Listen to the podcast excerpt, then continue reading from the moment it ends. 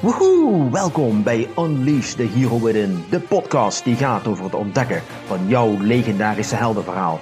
Ik neem je mee op reis langs de verhalen van helden en heldinnen die net zoals jij bezig zijn om een eigen legende te creëren. Zij delen hun ervaringen, tips en wijsheden met als doel jou te inspireren om een jemig de pemig fantastisch leven te hebben. Mijn naam is Marcella Heij en you are fucking awesome.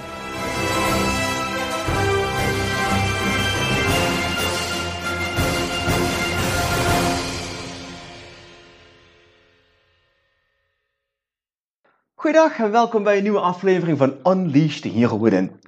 En ik heb eigenlijk een vraag aan jou. Hoe dicht sta jij bij jezelf? Weet jij echt wie je bent? Ben jij verbonden met jezelf? Weet je wat je hier komt doen?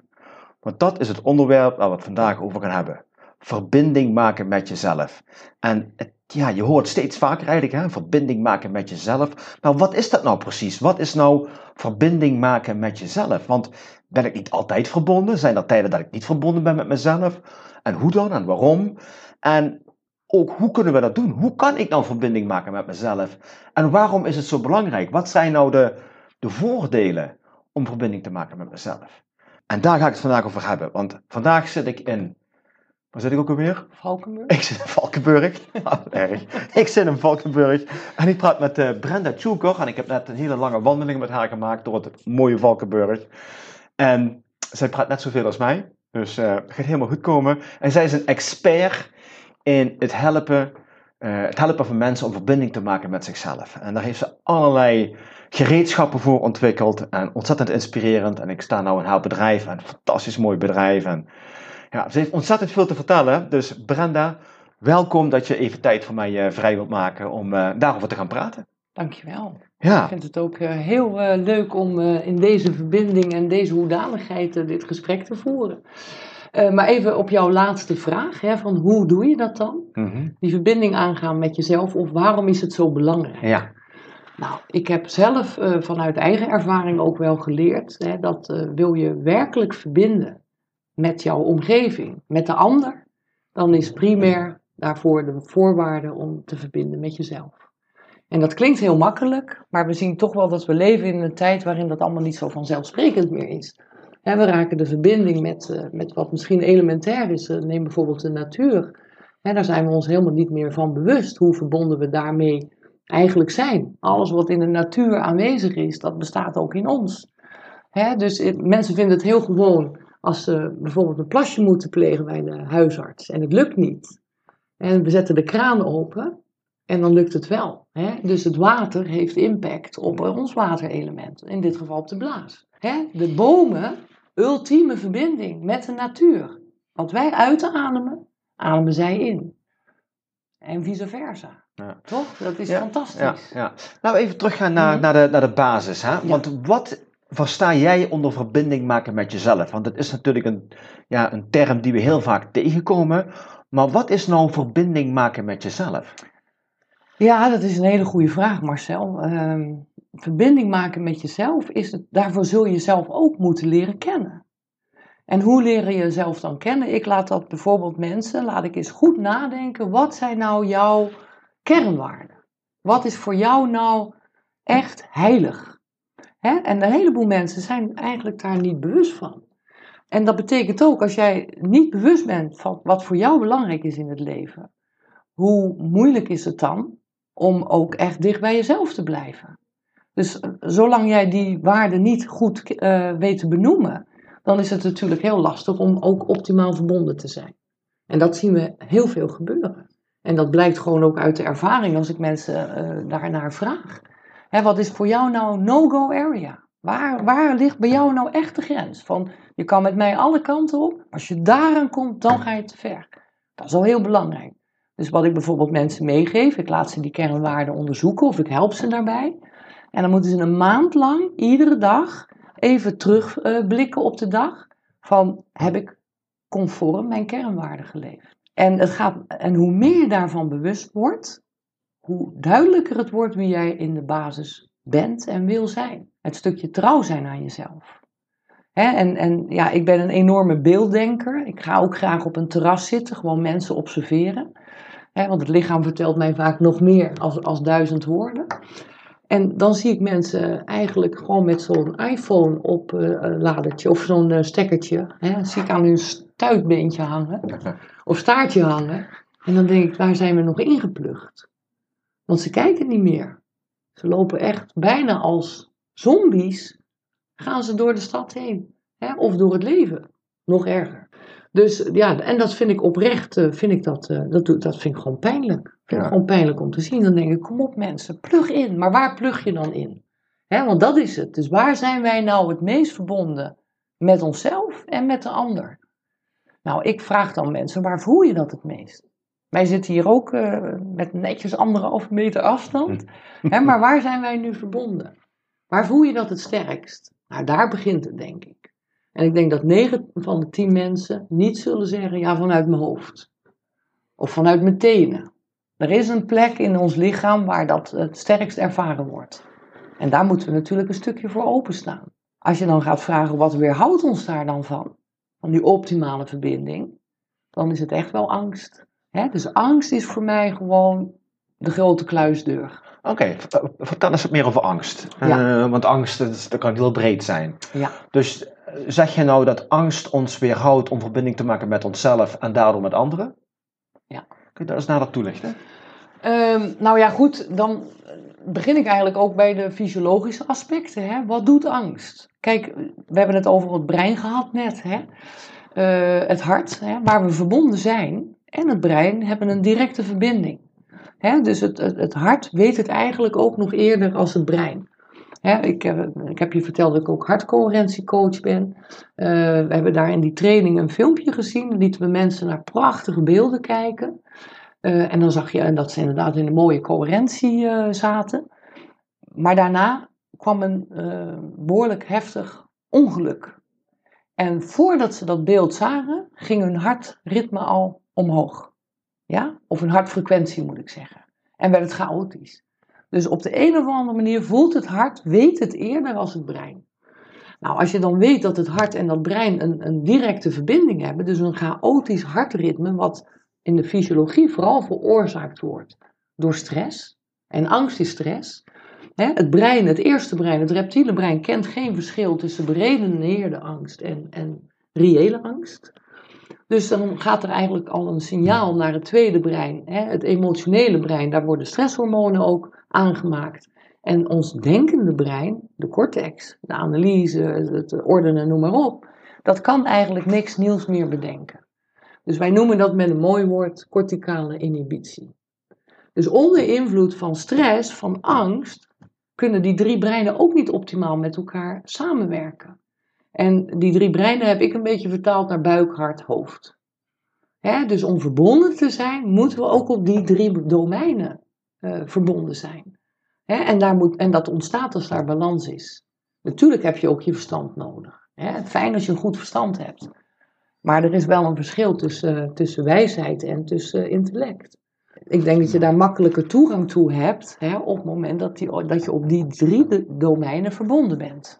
Oké, dus op het moment als wij al leven in een stressvolle omgeving, mm stressvolle samenleving, corona doet er natuurlijk een schepje bovenop. Absoluut. Dan wordt het ook steeds lastiger om verbinding te maken met onszelf. Zeker. En dat zien we natuurlijk ook. Hè? En, en als je dan ziet dat angst ook nog regeert, hè, en daarvoor, hè, corona, eh, hoe we er ook in staan, hè, deze, dit is een mhm. tijd van polarisatie. En, mhm. en, en de verschillen worden steeds groter en we moeten elkaar daarin ook uh, proberen te respecteren, zoveel mogelijk. Maar zo'n pandemie-angst, die nu gewoon het infuus is, wat de hele wereld in is gegaan, dat gaat natuurlijk op dit, uh, ja, dit soort onderwerpen en dit soort ontwikkelingen, gaat dat niet uh, vergemakkelijken. Hè, want angst is echt iets wat mensen ook, ja, waar, waar angst regeert, wordt niets geleerd, zeg ik altijd. Hè, tenzij, en, en angst hoort ook bij het leven, maar als je het laat domineren hè, en je doet er niks mee, je laat het zijn of je gaat het proberen te onderdrukken, of je gaat geen dingen meer doen omdat je ergens bang voor bent, dan is het natuurlijk een enorme beperking. Okay. En dan kun je natuurlijk eigenlijk niet meer spreken over verbinding met jezelf. Hè, dus voor mij zit angst is, is eigenlijk het grote obstakel om die directe verbinding aan te gaan.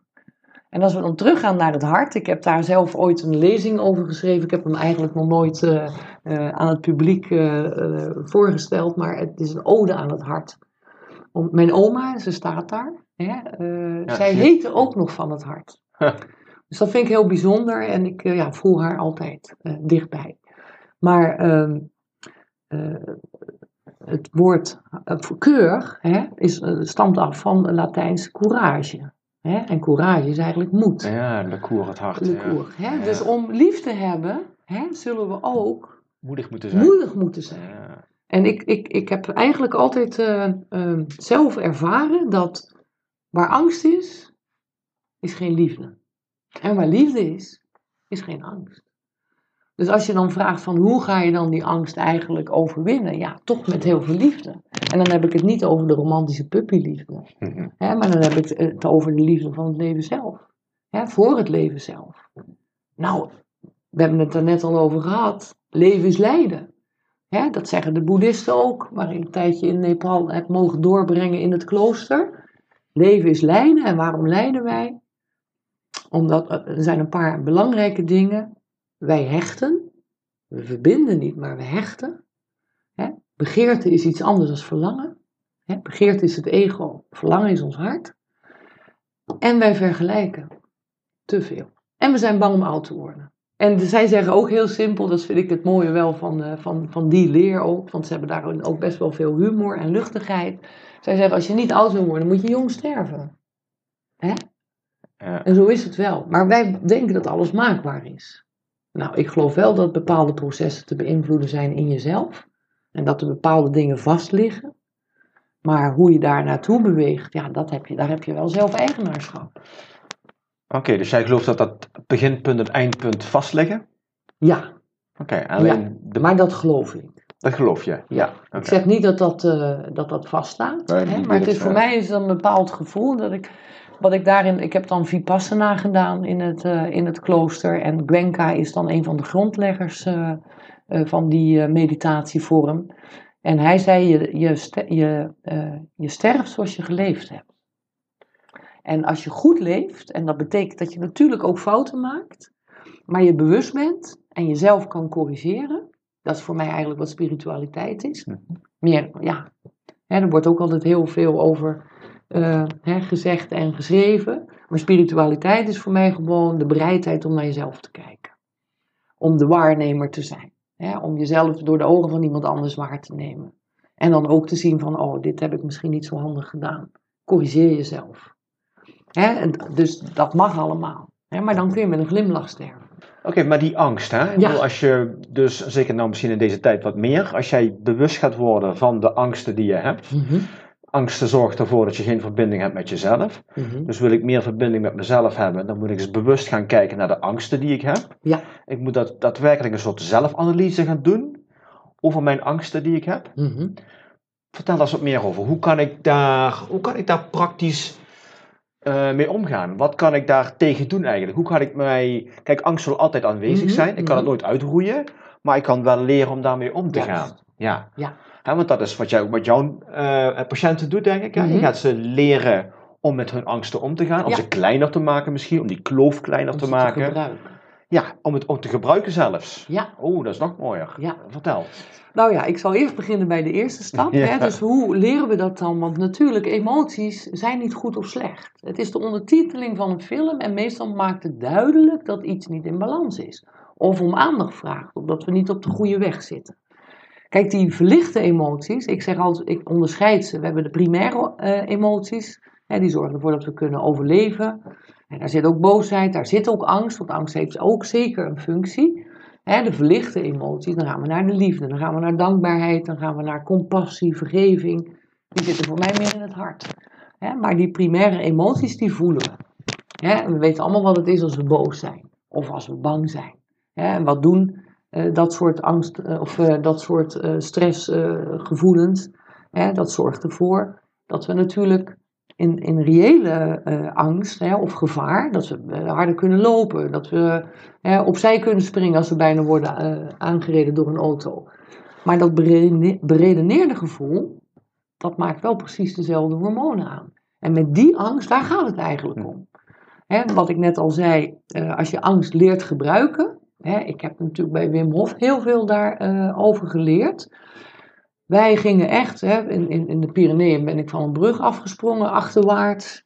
Uh, hè, omdat wij heel de week met die ademhalingstechnieken ook voor een verhoogde adrenaline en cortisolgehalte in het bloed uh, konden zorgen. En het dan gebruiken, dat is heel gezond. Dat geeft een kick. Maar gestapelde stress, hè, wat voortkomt vaak uit angstgedachten of gevoelens, dat voelen we niet meer. Dat worden patronen. Dus acute stress is eigenlijk heel gezond. Daar wordt ons immuunsysteem ook sterk voor. Van. Dus ik gebruik mensen die heel veel angsten hebben, daar gebruik ik ook het ijsbad voor. Dus ik zeg, ga die adrenaline nu inzetten voor iets wat jou uiteindelijk ook iets gaat brengen. En, en ik zeg altijd, het begint bij eerst erkennen dat je angst hebt. Dus ik laat mensen meestal eerst eens even voelen. Van denk eens aan iets wat jouw angst inboezemt. Want meestal is dat beredeneerd. Gaat het over iets uit het verleden of de toekomst. Want hier zitten we nu aan tafel. Dus ja, als je nu bang bent, zou dat niet best zijn, hmm. denk ik. En, en ik ook niet. Maar dan laat ik ze eerst voelen. Wel, wat doet die gedachte? welke emotie roept dat op? Die emotie die bestaat al in jou. Die kan alleen in jou transformeren. Dus ik zeg altijd: oké, erken dat die er is. He, vergelijk dat altijd met een kind wat om aandacht vraagt. Als ik dat iedere keer ga negeren, of ik probeer het te onderdrukken, of, of wat dan ook, dan gaat dat steeds meer uit de kast halen om gevoeld te worden mhm. of gezien te worden. En zo is dat ook met die emoties. Dus ik zeg altijd: erken dat die er is. En hoe doen we dat? Geef de emotie een naam. Bijvoorbeeld, ik, oh, ik ben, merk dat ik bang ben, of ik ben boos. Oké, Emotie krijgt een naam. Dan ga je voelen waar voel ik dat in mijn lichaam. De meeste emoties voelen we met name in de romp. Hè? Niet zo gauw in de grote teen of in de wijsvinger, maar bijna altijd in de romp. Ik laat mensen daar dan even contact mee maken, om daar ook hun handen even op te plaatsen. En dan laat ik ze rust en kalmte in dat gevoel ademen. En de stress laat ik ze uitademen. Daar heb ik hele mooie meetapparatuur voor. Hè? Dat is dan van HartMet. Dus dat kan ik ook een stukje volgen. En dan zie ik op een gegeven moment dat ze meer naar coherentie gaan of dat ze meer neutraal worden in hun gevoel. En als ik ze dan weer met diezelfde gedachten, uh, of diezelfde gedachten, een nieuwe gedachte, waar word je nou ontzettend blij van? Of waar ben je heel erg dankbaar voor? Dat voelen ze weer op een andere plek. En dan zorg je er eigenlijk voor dat je een reset maakt in je hormonale systeem want als wij continu aan die, die, die, die, die kant van uh, de cortisol en adrenaline zitten, ja, dan zitten onze emoties, die zijn meestal ook op een negatieve manier natuurlijk aanwezig. Dus, en het is allemaal niet goed of slecht. Je hebt af en toe boosheid nodig. Wat, wat, wat, wat zou boosheid jou kunnen brengen? Als ik echt boos ben, ben ik veel beter in staat om grenzen te stellen. Dus dat heeft ook een functie. Hè, als je iedere keer pijn in je buik hebt omdat je naar je werk moet, is dat dan misschien een uitnodiging om te onderzoeken of dit wel gezond is? Of dat er misschien iets opgelost moet worden? Of dat je iets moet, mag gaan veranderen? Dus het is eigenlijk een hele zinvolle manier van communiceren ook. Hè? En wat betekent emotie? Emotion betekent letterlijk energie in beweging. Dus het vasthouden daarvan is gewoon uitermate destructief.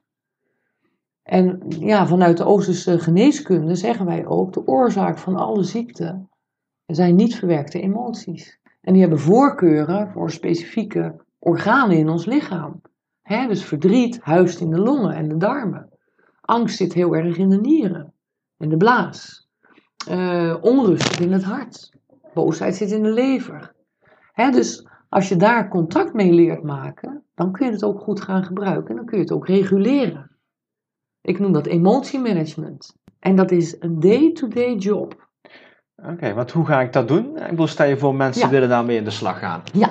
zonder dat ze meteen overal ehm, eh, hulp moeten inschakelen. Maar wat zijn praktische dingen die mensen kunnen toepassen in hun dagelijkse leven mhm. om te werken aan emotieregulering, zoals jij dat mooi noemt? Ja, nou, die emoties worden bepaald door twee uh, systemen in ons lichaam. Het autonoom zenuwstelsel dat bestaat even simpel gezegd uit een gas- en een rempendaal. Gaspendaal is om tot actie te komen, rempendaal is bedoeld om te reguleren, om te ontspannen en om te ontladen. En het hormonale systeem. Om je zal eerst, om die emoties te kunnen reguleren, zul je rust en balans moeten brengen in dat zenuwstelsel. Als jij helemaal op, die, op dat gaspedaal staat, dan wordt het heel lastig om emoties op een juiste wijze te reguleren. Wat is de snelste manier om dat zenuwstelsel te beïnvloeden? De ademhaling. Dus waar mensen mee zouden kunnen beginnen, Mhm.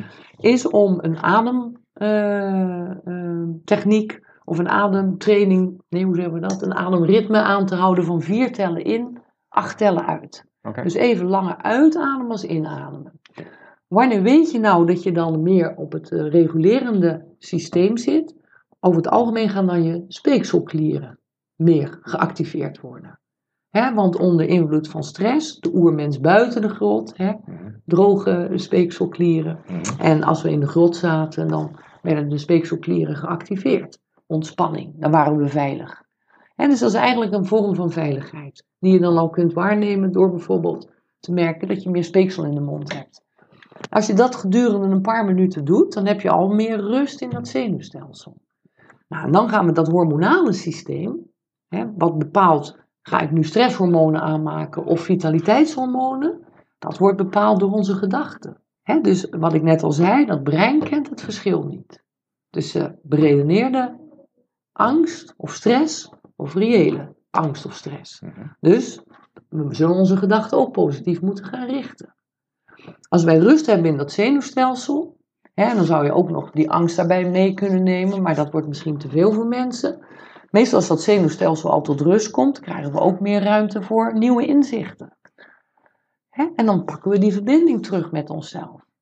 Maar als jij door angst gedreven door het leven gaat en je, je weet een beetje hoe het brein werkt, hè, dan kunnen we niet meer goed tot het inzicht komen of we wel of niet met dat verbonden zijn waarom we hiervoor op deze wereld zijn. Dat zijn natuurlijk wel eh, de vraagstukken. Hè?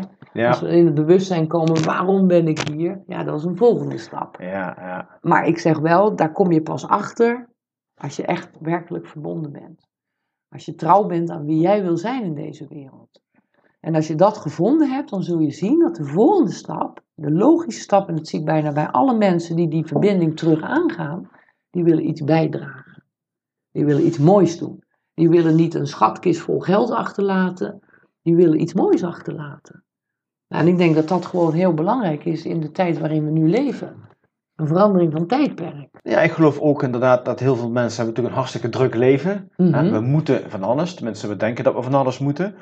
Waardoor we nog niet eens toekomen aan het vergaren van informatie die een positieve bijdrage kunnen leveren eh, aan mijn welzijn. Ja. Laat staan dat we tijd gaan vrijmaken om eens bewust tijd vrij te nemen voor onszelf. Om die ademhaling eh, technieken te gaan toepassen. Want je zegt eigenlijk met een paar minuten per dag. Ja. Hè, die, eh, bijvoorbeeld als je opstaat of zo, ik heb geen flauw idee. Ja, Hè, als je al 's morgens vroeg opstaat en je gaat die ademhalingstechniek al toepassen, dan is dat 4 seconden inademen door je neus en 8 seconden. uit door de mond. Dat uit is er één. Hè, Ja. Om snel balans te krijgen in ook gewoon die stressgevoelens, zeg maar. Ja. Hè, of meer regulatie. Mhm. Hè, dus dat is er één. Als je echt naar hartcoherentie gaat, dan is dat een ademritme van 5 in, 5 uit ongeveer. Oké. Hè, er is ook apparatuur voor. En, en even in antwoord op jouw vraag, ja, mensen hebben helemaal geen tijd. Nee, ja, goed. Ik laat mensen die dat als antwoord geven altijd even de balans van tijd maken. Oké. Hè, en dan zeg ik, we hebben allemaal 168 uur in de week. Hè, en dan laat ik ze even uitrekenen hoeveel uur heb je slaap nodig, hoeveel uur ben je aan het werk, hoeveel uur je huishouden, je sociale leven, oké. En geloof me, de meeste mensen die blijven eh, over met 15 uur, tussen de 15 en 20 uur, waarvan ze eigenlijk niet weten waar het naartoe gaat. Oké. En dan zeg ik altijd, als ze dat missen op eh, de financiële balans, dan gaan ze het vast onderzoeken. En tijd is eigenlijk ook hè, onbetaalbaar. Absoluut. Toch? En, en het appel wat ik dan op mensen doe, vijf minuutjes in de ochtend, vijf minuutjes in de avond. Nou, hoeveel is dat? Dat zijn 70 minuten Mhm. op die 168 uur.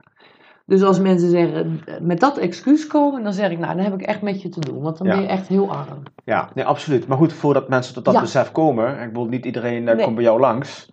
Nee. En krijgt het verhaal te horen en weet, oh shit, dit moet ik gaan doen. En dan komt er nog eens bij dat ze die nieuwe gewoonte moeten gaan integreren. Klopt. Hè, misschien dat ze eh, vol enthousiasme beginnen en na een paar dagen vergeten ze de avondmeditatie of de, de, de ademhaling. Mhm. En weer twee weken later, ja, Ja. hebt het bijna helemaal Ja. weg. Nou ja, goed, als je echt iets wil veranderen en je voelt dat er ergens iets zich wil manifesteren, eh, wat je misschien nog niet helemaal eh, helder hebt, dan zullen we er wel wat voor moeten doen. Helemaal mee eens. Ben Hè? ik helemaal ik eens. bedoel, als jij eh, bent uitgerust met een atletisch lichaam, en, maar je doet er de rest van je leven niks mee, ja, dan, dan gaat het toch degenereren. Ja, absoluut. absoluut. Maar daarvoor zeg ik altijd, Marcel, kies iets wat laagdrempelig is, wat niet zo heel veel tijd vraagt. Hè? Waar we het net ook over hadden, soms zie je mensen hele extreme diëten gaan volgen of ze gaan extreem sporten. En dan gaan ze eerst helemaal naar die top en in één keer, dan zakt het weer naar beneden. Dus ik geloof heel erg van leer jezelf nou één goede gewoonte per maand. Eentje. Hè? Leer die goed, geef die alleen maar aandacht. Iedere dag, een maand lang. En de volgende maand weer één. Hè? En dan heb je na een jaar ook twaalf nieuwe dingen Ja, oh, absoluut. absoluut. En ik vind het wel fantastisch. Hè? Je, je ziet hier het brein. Ik heb me dan ook eh, een stuk verdiept in, in het eh, gedachtegoed van Joe Dispenza, die over die neuroplasticiteit vertelt. Iedere keer dat wij iets nieuws doen, krijgen we nieuwe neurale paden in ons brein. Hè, maar hoe staan de meeste mensen op? Ze leven eh, in het verleden. Wat is er gisteren gebeurd? Verdorie, daar heb ik vandaag nog last van. Hè, zijn energie gaat iedere keer naar dingen die al plaats hebben gevonden. Mhm, In plaats van naar iets waar ze naar verlangen mhm. in de toekomst. En er is niks mooier dan verlangen. Ja, Hè? En, en daar gaat het ook vaak mis, hè? want dan hebben we weer verlangen en als het begeerte wordt, is het voorbij. Of bezit. Hè? Dus probeer ook iedere keer jezelf eh, te prikkelen om naar iets te verlangen wat je misschien helemaal niet eh, gaat realiseren. Maar je kan wel met gevoel werken. Ja, maar het is natuurlijk het is een soort, een soort, eh, een soort vision for the future eigenlijk. Ja. Hè? Een, een, een droom die je Ja. graag zou willen eh, laten uitkomen in jouw leven. Wat het ook mogen zijn. En als je daar elke dag mee bezig gaat zijn, zeg je Mhm. eigenlijk. Hè, voor mij sta je daar dus morgens vroeg mee Ja. op. Hè? Een stukje papier langs je bed liggen waar jouw droom op uitgeschreven staat bijvoorbeeld. Ga die elke dag oplezen. Ja. Kost je misschien twee minuten tijd. Precies. Ja. En wat ik daar altijd aan toevoeg, hè, je ziet een hele grote witte muur, maar zo sta ik daarna op. Dus ik heb die droom en dan zie ik weer een groot wit vel papier, want het is misschien gisteren nog niet gelukt, maar vandaag opnieuw geboren. Nieuwe ronde, nieuwe kansen. Ja. En, en dan wordt het leven veel speelser. Zeker. Hè, want dat is het ook. Als Ja. mensen niet meer speels zijn, en jij zei het net zelf heel mooi, misschien Mm. kun je dat nog even herhalen. We stoppen niet met spelen omdat we ouder worden, maar we worden ouder omdat we stoppen met spelen. Juist. Ja. Hè, en, en dat zijn voor mij allemaal signalen dat mensen niet meer echt verbonden zijn. Want het speelse dat, dat blijft. Weet je, je kind sterft niet Nee, in, in, in een ouder lichaam of in een, een meer eh, belegen geest, of hoe noemen we dat? Mature wou ik zeggen. Maar ja, ja. Je snapt wel wat Ja, ik ja, ja. Dus ehm, ja, we nemen het leven misschien te serieus. Te serieus. Ja, hoe, hoe, wat, wat zijn nou de oorzaken van? Hoe komt het dat wij, of dat heel veel mensen het leven zo serieus nemen en waardoor het een stuk zwaarder wordt? Mhm. Er minder ruimte ontstaat voor te spelen. Wat natuurlijk leuk is, want ja, ik bedoel, het woord spelen wekt dan een positieve en een vrolijke emotie op. Ja. En ja, spelen betekent niet haal de zak Lego van de zolder en ga dingetjes bouwen. Alhoewel, waarom ja, niet? als je dat leuk zou vinden. Ja, maar ja. tekenen, kleuren, buiten de natuur eh, wandelen. Eh, maar ja, doe wat meer vrolijkheid in je leven toevoegen. En volgens mij, ja, het, het creëren van een ja, vision for the future, Juist. dat lijkt me toch wel heel erg mooi. Dat je kunt gaan fantaseren van stel je nou eens voor dat jij de verhalen vertel, verteller bent van je eigen leven. Welk verhaal zou je dan willen vertellen? Ja, wat zou je willen achterlaten? Wat zou je willen achterlaten? Wat is daar, en, en zo kun je ook die kernwaarden heel goed onderzoeken. Hè, van oké, wat ik, ik laat dan mensen bijvoorbeeld ook wel eens eh, even hun, hun, eh, hun einde visualiseren. Hè, en dan niet zozeer hoe ziet het er allemaal uit, welke kist of wat dan ook. Maar van oké, wat wil jij dat jouw levenspartner hè, of een geliefde over jou vertelt? Ja, ja, ja. ja. Hè, wat wil je dat jouw, eh, een van jouw kinderen over je vertelt? Wat wil je dan een vriend over je vertelt? Wat wil je dan een collega over je vertelt? Ja. Eigenlijk heb je dan al je kernwaarden te pakken. Hè? En, en, en als je die gaat verbinden hè, met dat wat je misschien als visie naar de toekomst hebt, dan krijg je een optimale verbinding Ja. tussen jou en tussen eh, de energie naar de toekomst. ja. Of die je naar de toekomst brengt. Ja, absoluut. Dat is trouwens een hele goede En- oefening. Ik heb hem zelf ook eh, een keer gedaan. Schrijf je eigen grafreden. Ja, Want er staat straks iemand aan jouw kist, hè, misschien jouw kind of je kleinkind, maakt niks uit. Welk verhaal vertelt hij dan? En ga dat eens opschrijven. En dat is A, een hele emotionele ervaring, ja. eh, als je het goed doet. Ja. En B, je krijgt inderdaad duidelijk wat jij nog wil doen. Juist. Want dat is het. En ga niet denken van, hè, in beperkingen van, ah, dat kan ik niet, dat lukt me niet, whatever. Nee, wat zou je het liefste willen? Hè? Als Aladdin met de wonderlamp voor je zou staan en die zegt, je mag hè, drie wensen of één wens voor mijn part. Wat zou dat dan zijn? Ja. En als je dat jouw brein kunt gaan voeden, hè, zoals jij net mooi omschrijft, en je kunt dat ja, een onderdeel gaan maken van jouw leven waar je elke dag mee bezig kunt zijn, en hoeveel tijd bepaal je zelf, dat zou letterlijk jouw leven verrijken. En je vertelde me dus straks hè, dat de angst is één factor. En de andere factor was jouw brein vullen met gelukservaringen. Mhm. Nou Ja, als jij zelf bepaalt wat jouw gelukservaring is. Ja. En je gaat daarmee aan de slag, wat het, wat het ook mogen zijn. Hoe fijn is dat? Ja, dat is, dat is het mooiste wat er is. En dan ga je ook het brein en het lichaam verbinden. En dat vind ik het mooie ook eh, van, eh, van eh, die, die hart-breinverbinding. Maar ook wat Joe Dispenza zegt. Het, het, het brein stuurt het lichaam aan, maar het lichaam houdt score bij. Van alles wat we denken, van alles wat we doen, wat dat alles zo? wat Ja. we ervaren hebben. Hè, en dat is ook de reden waarom ik eh, ook voor bodywork heb gekozen. Want alleen maar mentaal is te bewerkt. Hè, je moet wel ook echt in die fysiologie moet je een aantal processen aanpakken en in de energie in het lichaam. En vooral als je weet, iemand die heel depressief is, zien wij heel vaak dat hij een longdeficiënt heeft. Dat hij overmand wordt door verdriet. Die emotie kan niet goed zijn wegvinden. Het lichaam houdt het vast. En dan kun je wel iedere keer allerlei dingen gaan bedenken van ja, we moeten het anders doen en je moet nou proberen weer eens een beetje positief te zijn. Die mensen krijgen dan antidepressiva Mm, hè, en voor mm. een bepaalde periode zal dat ongetwijfeld ook nodig zijn, maar toch niet chronisch. Mm. Hè? Er wordt, dat wordt op herhaalrecepten voorgeschreven. Terwijl officieel mag dat eigenlijk niet langer dan drie maanden nodig zijn.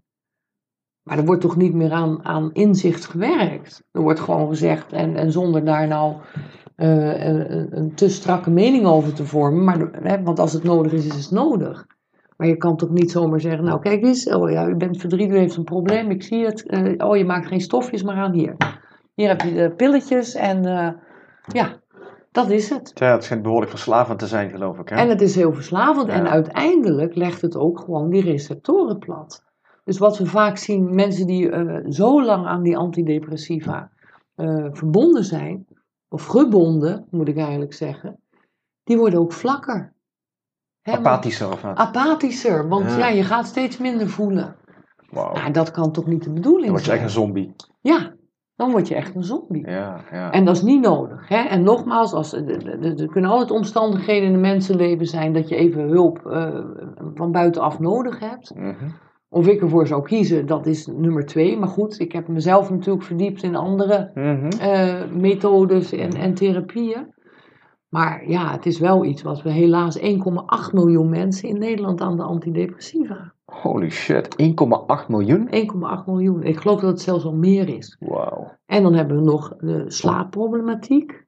Dat hangt daar ook mee samen. En toch zijn dat allemaal eh, signalen dat iets niet in balans is. Dat je niet helemaal conform jouw zielsopdracht leeft. En als we het daarover hebben, of levensopdracht, of levensmissie, hoe je het ook wil noemen. Mhm. Hè, dan zien mensen ook vaak dat dat alleen maar mensen zijn die op het eh, podium gaan staan. Dat hoeft helemaal Nee, niet. nee. Jouw levensopdracht kan zijn eh, dat je hè, heel goed voor de, voor de natuur zorgt. Hè? Of dat je eh, op die manier ook iets bijdraagt. Ja. Hè? Dat hoeft niet allemaal heel groot. Nou, even met wat heb je een volkstuintje Ja, voor, voor ja. een groepje bejaarden. Het maakt niks uit, ja. Dat, hè, En dat is super, want dat past bij jouw levensopdracht. ja. Maar als dat jouw levensopdracht is en je zit ergens in een glazen kantoor, heel de dag achter een beeldscherm, ja, dan eh, ga je wel tegen jouw natuurlijke eh, eh, opdracht in, denk ik. Ja. En tegen jouw natuurlijke zijn. ja. Laten we eens even kijken naar die, die 1,8 miljoen. Dat is natuurlijk een gigantisch cijfer. Ja. Ik wist trouwens niet dat het zo hoog was. Anti antidepressiva. Mhm. Wat zijn nou natuurlijke antidepressiva die we kunnen toepassen in ons leven? Ja. Als er dan mensen zijn die zeggen van jee, maar ik voel me echt zo klote de laatste tijd. Ik overweeg om dat ook te gaan doen. Mhm. Ik zie in mijn omgeving mensen die het doen. Hoe slecht kan het zijn? Wat zou je tegen die mensen willen zeggen? Van nou, wacht even en probeer liever dit of dat of Ja. zus of zo. Dus als we het echt puur over depressie hebben, dan is ademhaling nummer één. Is dat zo? Is dat zo ze, krachtig? Ja, omdat ze vaak in die longen een deficiënt hebben. Hè? Daar, en de kwaliteit van leven wordt bepaald door de kwaliteit van ademen. Hè, eigenlijk voor iedereen. Dus daar probeer ik mensen ook wel echt een stukje ja, van te overtuigen hoe, hoe ontzettend belangrijk de ademhaling is. Hè, dat wordt zo onderschat. Hè, het is het eerste wat we doen wanneer we geboren worden. Het laatste wat we doen als we deze wereld verlaten. Het is onze bronenergie. We kunnen best wel een tijd zonder eten, een tijd zonder drinken. Maar vijf minuten zonder adem, nou, dan is het meestal einde verhaal. Tenzij je door Wim Hof getraind bent, dan kun je dat. Ja, ja. Maar goed, hè, dat is nog even een zijstapje. Eh, maar in ieder geval goed ademhalen. Hè? Ademhaling, zoek iemand die je daar een stukje bij kan begeleiden. Want er zijn enorm veel ademhalingstechnieken en ze hebben allemaal een ander doel. Dus de ene is rust in het zenuwstelsel, de andere is juist om het lichaam in een actieve staat te brengen. De andere is weer be- be- meer gericht op eliminatie. Weer een andere om de gedachtenstroom tot rust te brengen. Dus er zijn heel veel ademtechnieken. Er zijn tegenwoordig trouwens ook heel veel appjes die mensen. Zo, Wim Hof heeft een app geloof ik, ja? Met Ja, ademhalingstechnieken erin. Ja, dus eh, dat zou ook een hele Nou. mooie optie zijn. Ja. Begin gewoon en eh, laat je verrassen. Daarnaast zonlicht, hè, maakt serotonine aan. Dat is fantastisch. Ga naar buiten. Het mooie is dat de kou, hè, een ijsbad, maakt ook gelukshormonen aan. Hm. Hè, dus ik weet nog dat ik, eh, toen ik de instructeursopleiding deed, zat er een, eh, een, een mede-instructeur, althans in de opleiding, die was zo zwaar depressief, dat zijn psychiater had gezegd, nou, de enige eh, optie die je nog krijgt zijn, is deze medicatie. Hm. Maar als je die neemt, dan word je echt een zombie. Jezus. En dat was voor hem echt zoiets van, nou, ik ga of helemaal kappen en ik stop misschien met het hele leven, of ik ga totaal anders doen. En hij is met het, eh, het, het hof begonnen. Ja, enorm knap. En die heeft eh, zichzelf naar zo'n ander niveau eh, kunnen toe, eh, naar een ander niveau kunnen toewerken. En is daarin natuurlijk ook een inspiratie voor heel veel anderen. Maar ik zie dat ook in onze eigen praktijk. Ik heb ook mensen die aan depressie lijden en al heel lang ook aan de antidepressiva en dan uit een ijsbad komen met een, een traan, maar vanuit geluk. Omdat ze zeggen, oh, dat ze weer echt zo'n zo'n ja, gevoel hebben dat ze leven. Wat ik weer zei, dat dat lampje in al die cellen is gaan branden. En dan is het natuurlijk heel mooi dat ze zich daar verder in gaan verdiepen. Ja. En dat je daar iets aan mag bijdragen. Oké, dus eh, kou is Ja, eigenlijk kou. heel gezond. Ja, wat nog meer? Even, Eh, even terug naar die sorry. kou. Ja, nee, Ja. sorry. Eh, even terug naar die kou, want niet iedereen heeft de luxe om een, een ijsbad Nee. thuis te hebben. Maar een koude douche, Ja. elke dag een koude douche. Ehm, wat is de aanbevolen tijd dat het effect heeft? Hoe lang moet Nou. ik onder die koude douche staan? Nou, je gaat het sowieso rustig opbouwen. Mhm. Hè, er zijn allerlei eh, cold shower eh, challenges, geloof ik, inmiddels ook te vinden. Maar meestal begin je gewoon met 10 seconden. En dat bouw je in gedurende een maand op. Hè, en na een maand is iedereen in staat om 1 tot 2 minuten onder die koude douche te kunnen blijven staan. Ze hebben onderzocht hè, dat 2 minuten onder die koude douche eigenlijk al voldoende is om optimaal rendement van de kou te hebben. Dus je hoeft niet uren in een ijsbad te zitten. Het is natuurlijk fantastisch dat Wim dat heeft gedaan. Daar heeft hij ook de aandacht mee naar zich toe kunnen trekken. Maar dat is helemaal niet waar het alleen maar over gaat. Het gaat ook om een stuk bewustzijn. Dus die twee minuten is eigenlijk al voldoende. Dat is onderzocht door de Universiteit van Amsterdam. Door Geert Buizen, als ik het goed heb. Dus die twee minuutjes. Nou, dat kan bijna iedereen. En alleen, je zit weer met een conditionering. Wat is ons geleerd? Ah, nooit zomaar in een koud eh, bad springen, want dan krijg je een hartaanval. Dus wij hebben ook weer een, een conditionering op koude. Hè? Of trek je jas aan, anders word je ziek. Wim zegt, trek je jas uit, anders word je ziek. Hè? Ja. Hè? Of eh, one cold shower a day keeps the doctor away. ja. Maar, maar dat zijn maar hele simpele voorbeelden. Hoe snel we, en dat dacht ik zelf ook, want dat zeiden mijn ouders ook tegen mij. Nooit zomaar in het koude bad springen. Nou, het is gevaarlijker om vanuit stilstand in één keer een sprint te trekken voor je hart. Hè, als dat je gewoon gradueel je, de kou gaat opbouwen. En je kan ook handen- en voetenbadjes nemen. Als je een ijsbad een brug te ver vindt. En gewoon rustig opbouwen. Mhm. En op een gegeven moment kom je op een niveau, en dat zie ik hier, ik ben al eh, zo'n vijf jaar met deze methode bezig, zie je dat mensen het niet meer kunnen missen. Ik ook niet. Ik hield vroeger van heter dan heet. Ik had de, de douche bijna op cremeren staan, bij wijze van spreken. Hè? Dus warmte, dat was voor mij alles. Met gevolg dat ik het natuurlijk ook steeds sneller koud kreeg. Mhm. Nu, ik kan het niet meer. Dat voelt echt niet lekker. Alleen maar warm water voelt bijna vies. Kan niet uitleggen. Hmm. Dus ik moet altijd ook die knop weer omzetten. Hè, want ik zet hem ook wel eens op warm. Hè, als ik heel moe ben of eh, ik was al koud. Ja. Dan hoef ik niet nog meer kou Nee, op te nee. zoeken. Maar dan sluit ik wel altijd met de kou af. En dan krijg ik het er niet meer uit. Dus dat heb ik Altijd, eh, blijkbaar. ja, ja, even twee minuutjes koud afdouchen, na de Ja. warme douche. eh, Ja. ja. En dat is heerlijk. Hè? En dat kun je 's ochtends doen om lekker wakker te worden. Mhm. Maar s'avonds is het ook heel goed hè, om dieper te slapen. Is dat zo? Ja, Dus in plaats van dat we denken, een koude douche word ik hartstikke wakker van, ik kan niet slapen, is het omgekeerde juist waar. tijdelijk krijg je wel eventjes een, eh, Ja, ja, hè, zo'n energieboost. Ja, Hè, maar als, het, als je in het ritme van de dag en de nacht normaal leeft, hè, dan wordt het lichaam heel erg ondersteund. En waarom? Kijk, weer, dan kom ik weer even vanuit de Oosterse geneeskunde. De nacht is yin, hè, is onder invloed van de maan, is koude. Hè, dus als je de kou een beetje stimuleert, hè, dan ga je het yin ook meer stimuleren. Hè, dus yin is rust, kalmte. Al gedurende de dag moeten we het vuur gaan gebruiken. Hè, daarvoor zegt onze acupuncturist ook van nee, je moet eigenlijk de kou s'avonds opzoeken. Nou, het kan ook beide. Hè, en natuurlijk moet je altijd kijken wat is haalbaar voor jou. Want wat haalbaar is, dat blijf je ook vaak langer toepassen. Anders Ja. geef je het op. ja.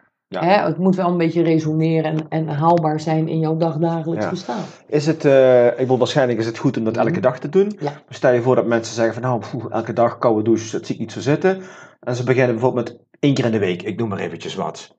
Langzaam zo opbouwen. Heeft dat ook al effect? Nou, ik, ik leer mensen zelf altijd om met wisseldouches te beginnen. En dat betekent, je begint met koud.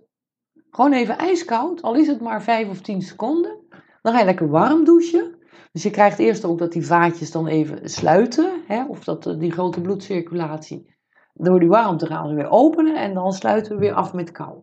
Oké. En je zal merken dat die tweede keer kou veel minder moeilijk is dan die eerste keer. Zeker, ja. En dan gaat het steeds lekkerder voelen. Dus mensen die willen dat ook gewoon weer de volgende dag. Als ik ze dat eenmaal, eh, ik geef het vaak als voorbereidende informatie naar een eh, workshop toe, zeg maar.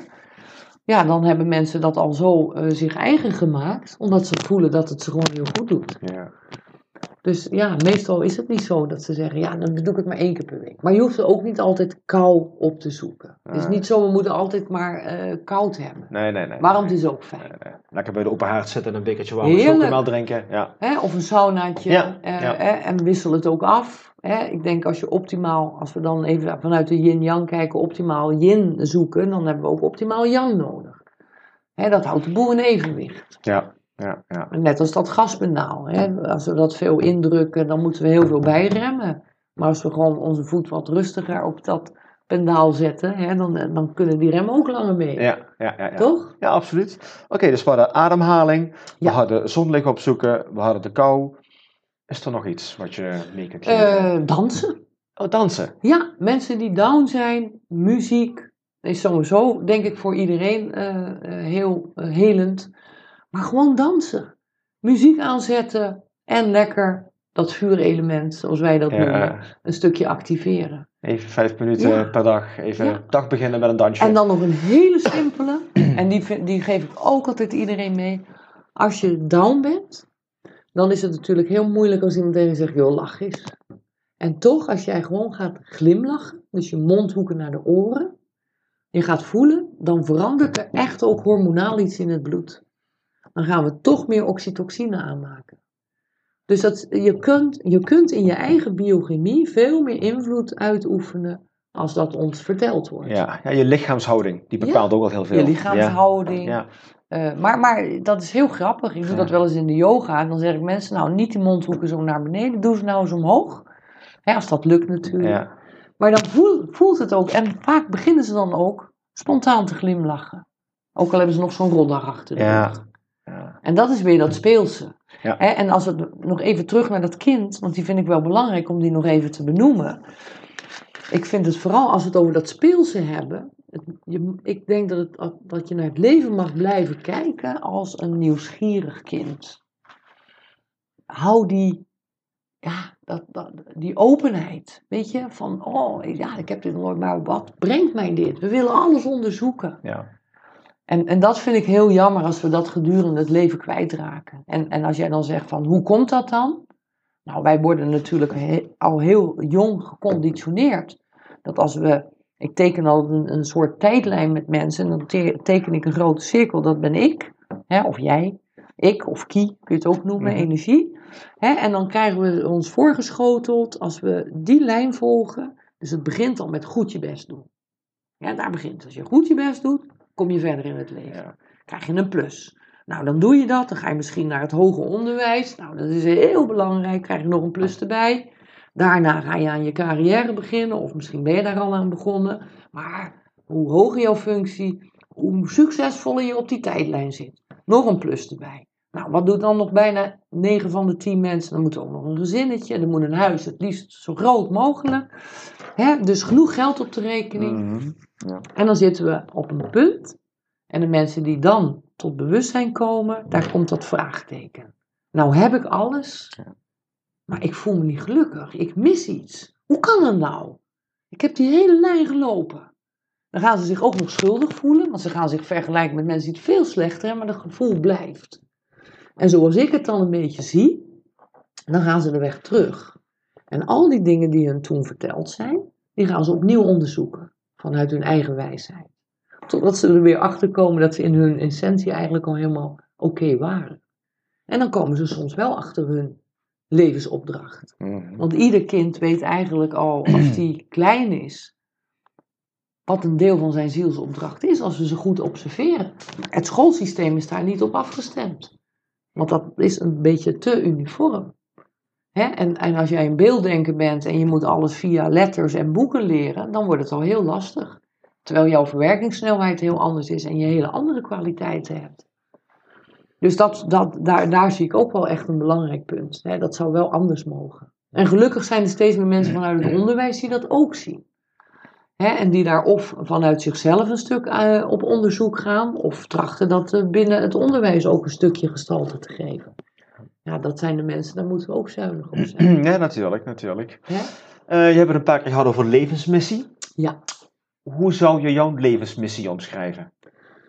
Ja, nou, mijn levensmissie heeft eigenlijk wel met die verbinding te maken. Hè? Dus ik heb zelf ook eh, eh, toch wel het nodige onderzoek gedaan om die verbinding echt met mezelf te voelen. Want ik ben net als, als alle, eh, bijna alle andere mensen ook heel erg bezig geweest met een soort imago op te Mhm, bouwen waar ik mhm. me veilig in voelde. En ik merkte steeds meer dat ik me daar steeds minder eh, prettig onder ging voelen. Hè, nou, ik zeg altijd, als iets jou goed doet, dan voelt het voor mij als je morele plicht bijna om dat ook in de wereld te brengen. Hè, dus dat was dat stuk, daar is het eigenlijk begonnen. Eh, ik ben de alternatieve geneeswijze. Misschien is dat wel interessant om even te vertellen. Eh, ik kom uit een gezin van vier kinderen, drie broers. En na mijn broer boven mij, dus na het tweede kind van mijn moeder. Mijn moeder had een hele zware bevalling, is bijna gestorven. En die kon eigenlijk geen kinderen meer krijgen. En mijn vader werkte toen eh, in de exclusieve huizenbouw. En dat was bij een Hongaarse prinses. En die zag aan mijn vader dat hij zorgen had. En eh, toen vertelde hij over mijn moeder. En toen zei ze, en dan praten we nu over 57 jaar geleden. En toen zei ze, luister, ik heb een hele goede vriend, die is homeopaat. En ik wil dat jij daar met je vrouw naartoe gaat. Ik regel dat helemaal voor jou, want het is ook een dankjewel voor het goede werk wat je doet. Dus mijn moeder ging naar die homeopaat. En nou, die was echt boos wat ze allemaal met haar hadden uitgevreten. Want ja, ze hadden er met goud ingespoten. En hij zei, er was geen goud, maar roest en allerlei dingen. En hij, had, hij zei tegen haar van, luister, ik krijg jou weer helemaal op de been. En jij krijgt ook nog een dochter. Dat was haar grote wens. En vier maanden later was ze zwanger van mij. En dus eigenlijk zonder de alternatieve geneeswijze was ik er nog ineens geweest. En mijn jongste broer ook niet. En het is wel grappig, want we zijn wel met vier, maar die oudste twee hebben hier veel minder mee. En, en mijn jongste broer Mark en ik, wij, ja, wij hebben gewoon heel veel feeling met dit. En als je dat dan terug bekijkt, dan denk ik, ja, logisch. Maar ik moest ook eerst een crack hebben. Dus na de geboorte van mijn dochter eh, kreeg ik eh, sowieso zelf een beetje depressieve gevoelens. We woonden toen in Schotland, koud, nat, eh, triest. Maar ik kreeg ook spierspasmen in mijn lichaam. Echt zoals een zenuwtrek in je oog. Dat kreeg ik eigenlijk door mijn hele lijf. En eh, ik, ik werd bang. Hè? Want ik was wel altijd gewend om ook mijn lichaam te gebruiken om te sporten. En ik was altijd ja, sterk, gezond. En in één keer ja, gebeurt er iets waarvan je helemaal geen, totaal geen invloed op hebt. Eh, we zijn teruggekomen naar Nederland, ook mede daardoor. En toen ben ik natuurlijk bij een neuroloog terechtgekomen. Die heeft mij helemaal onderzocht. Lumbalpunctie, MRI-scan, uh, spiertesten. Hoe heet het? Niet EMDR, maar... E nou ja, goed, maakt ook niet uit. De hele mikmak. En er kwam niets uit. En, dan, hè, en ik weet nog dat ik bij haar aan tafel zat, het was 5 december. En ik zeg, ze zegt tegen mij, ja, we hebben niets gevonden. Maar, toen kwam de maar, ja, zenuwziekten zijn degeneratief, dus het kan best zijn dat het over een paar jaren duidelijk is. Hè? En ja, dan heb je twee jonge kinderen en ik was bang. Ik was bang. Ik weet heel goed wat angst was. Ik was zo bang dat ik een ziekte had, hè, omdat ik er totaal geen grip op had en er ook nog, nog ineens iets uitkwam. Maar dat was wel het moment dat ik dacht, ja, maar nu ga ik het op een andere boeg gooien. En ik had natuurlijk, ik heb heel veel gereisd hè, door mijn vorige leven bij de, bij de marine. Ik had al heel veel andere landen bezocht, andere methodes, uh, visies, filosofieën gezien. En toen dacht ik, ik ga kijken, ik ga op zoek naar iets, maar wel waar ik zelf iets mee kan. Want ik wil wel graag de regie houden. En zo kwam ik op Reiki. Daar ben ik mee begonnen. En in eerste instantie dacht ik, ja, wat is dit? Weet je, heel hoog knuffelgehalte. Ja, nu mag dat dan niet meer. Maar toen was het voor mij natuurlijk, je moet even voorstellen dat ik uit een militaire wereld mm. kwam. En dan opeens naar zo'n hele, dus van heel yang naar heel yin. Ja. En toch voelde ik dat er iets gebeurde. En ik, dus ik heb mijn uh, initiatie gedaan. En vanaf die dag kon ik mezelf behandelen. Ja, en dat heb ik dan misschien wel een stukje in mijn genen. Uh, maar misschien ook wel door mijn militaire achtergrond ik ben iedere dag mezelf gaan behandelen. En ik voelde gewoon dat in eerste instantie dan die, die spasmes eerst kwamen opzetten. En toch voelde dat goed. Dus het werd even erger, en, maar ik kwam wel steeds meer weer tot rust. Ik ging weer beter slapen, want dat deed ik ook helemaal niet meer in die tijd. Ik was helemaal overgeleverd aan iets ja, waar ik ontzettend bang voor was. Dus ik heb, ik heb gezien wat angst doet met een lichaam. Nou, dat heeft mij uiteindelijk op dit pad gezet. En, en uh, daarna ben ik dus shiatsu gaan studeren. Omdat ik werd er gewoon door geraakt. Ik ben Reiki Master eerst geworden. Maar toen dacht ik, ja, ik ben niet medisch opgeleid. Ik wil toch meer weten hoe het lichaam in elkaar zit. Maar wel op een holistische wijze. Toen ben ik bij een shiatsu uh, uh, school in België terechtgekomen. Ik hing aan de lippen bij die leraar. Er zat zoveel logica in. En ja, dat heeft mij zoveel gebracht. En dat voelt echt als een levensopdracht, omdat ik voor mezelf ontzettend, ik ben ontzettend dankbaar dat ik die uh, switch heb kunnen maken. En ik geloof ook oprecht, als ik hem niet had gemaakt, dat ik ziek was geworden. Dat voel ik. Hè, dus het leven heeft mij daar echt min of meer een schop onder mijn kont gegeven. Van, ja, en dat was heel bijzonder, want ik bleek dus gewoon op het juiste pad te zitten. Want voordat ik uh, mijn diploma in zak had, had ik al een praktijk. Het was blijkbaar de bedoeling. Hmm. Het is gewoon ontstaan. Het was helemaal niet vanuit die klacht dat ik ooit hè, in dit vak terecht zou komen. Maar het heeft me gewoon hier naartoe getrokken. Hmm. Dus als je zegt, wat is jouw levensopdracht? Nou, ik wil andere mensen echt heel graag uh, een stukje laten zien dat er veel meer mogelijk is dan dat we denken. En dat het lichaam een oneindig potentieel heeft. Dat als we dat goed gebruiken, dan kunnen we het zelfgenezend systeem, of ja, het zelfgenezend vermogen kunnen we activeren. Ja, en dan is het gewoon prachtig. Het is mijn muze. Hmm, ja, heel mooi. Ja, heel mooi. Um, ja, we zijn weer bijna aan het einde gekomen van het interview. Uren zo voorbij. Vliegt voorbij. Ja. Ja.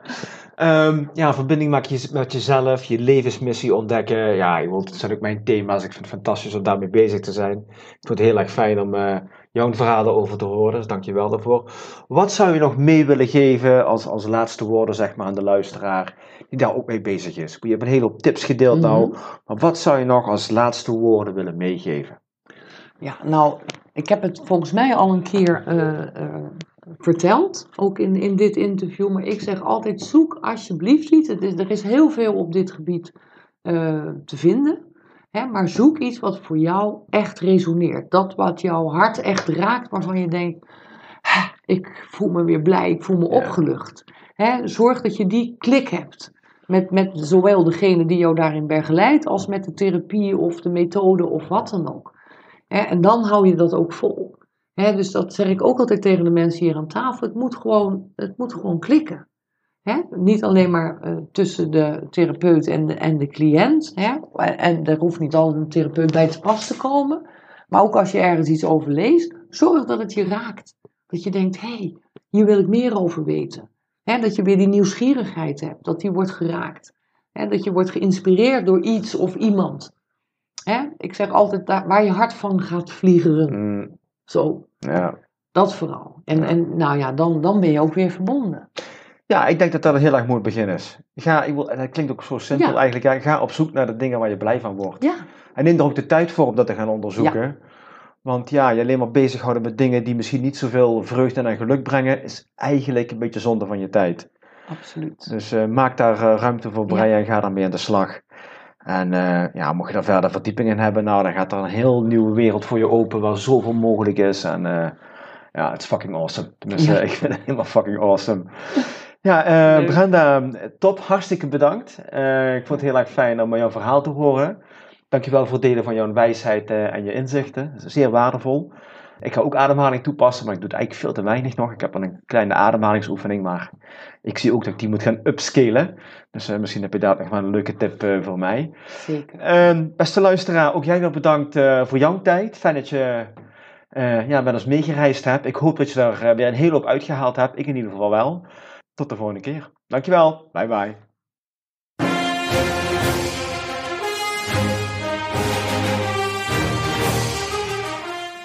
Ik hoop dat je net zoals mij weer hebt genoten van de mooie verhalen van mijn gast en er hopelijk iets aan hebt gehad. Wil je meer inspirerende goodies ontvangen of hoe jij een fucking awesome legendarisch leven kunt hebben? Ga dan naar mijn website unleashtheherowithin.nl en meld je vandaag nog aan. Thanks for listening and until next time, stay awesome.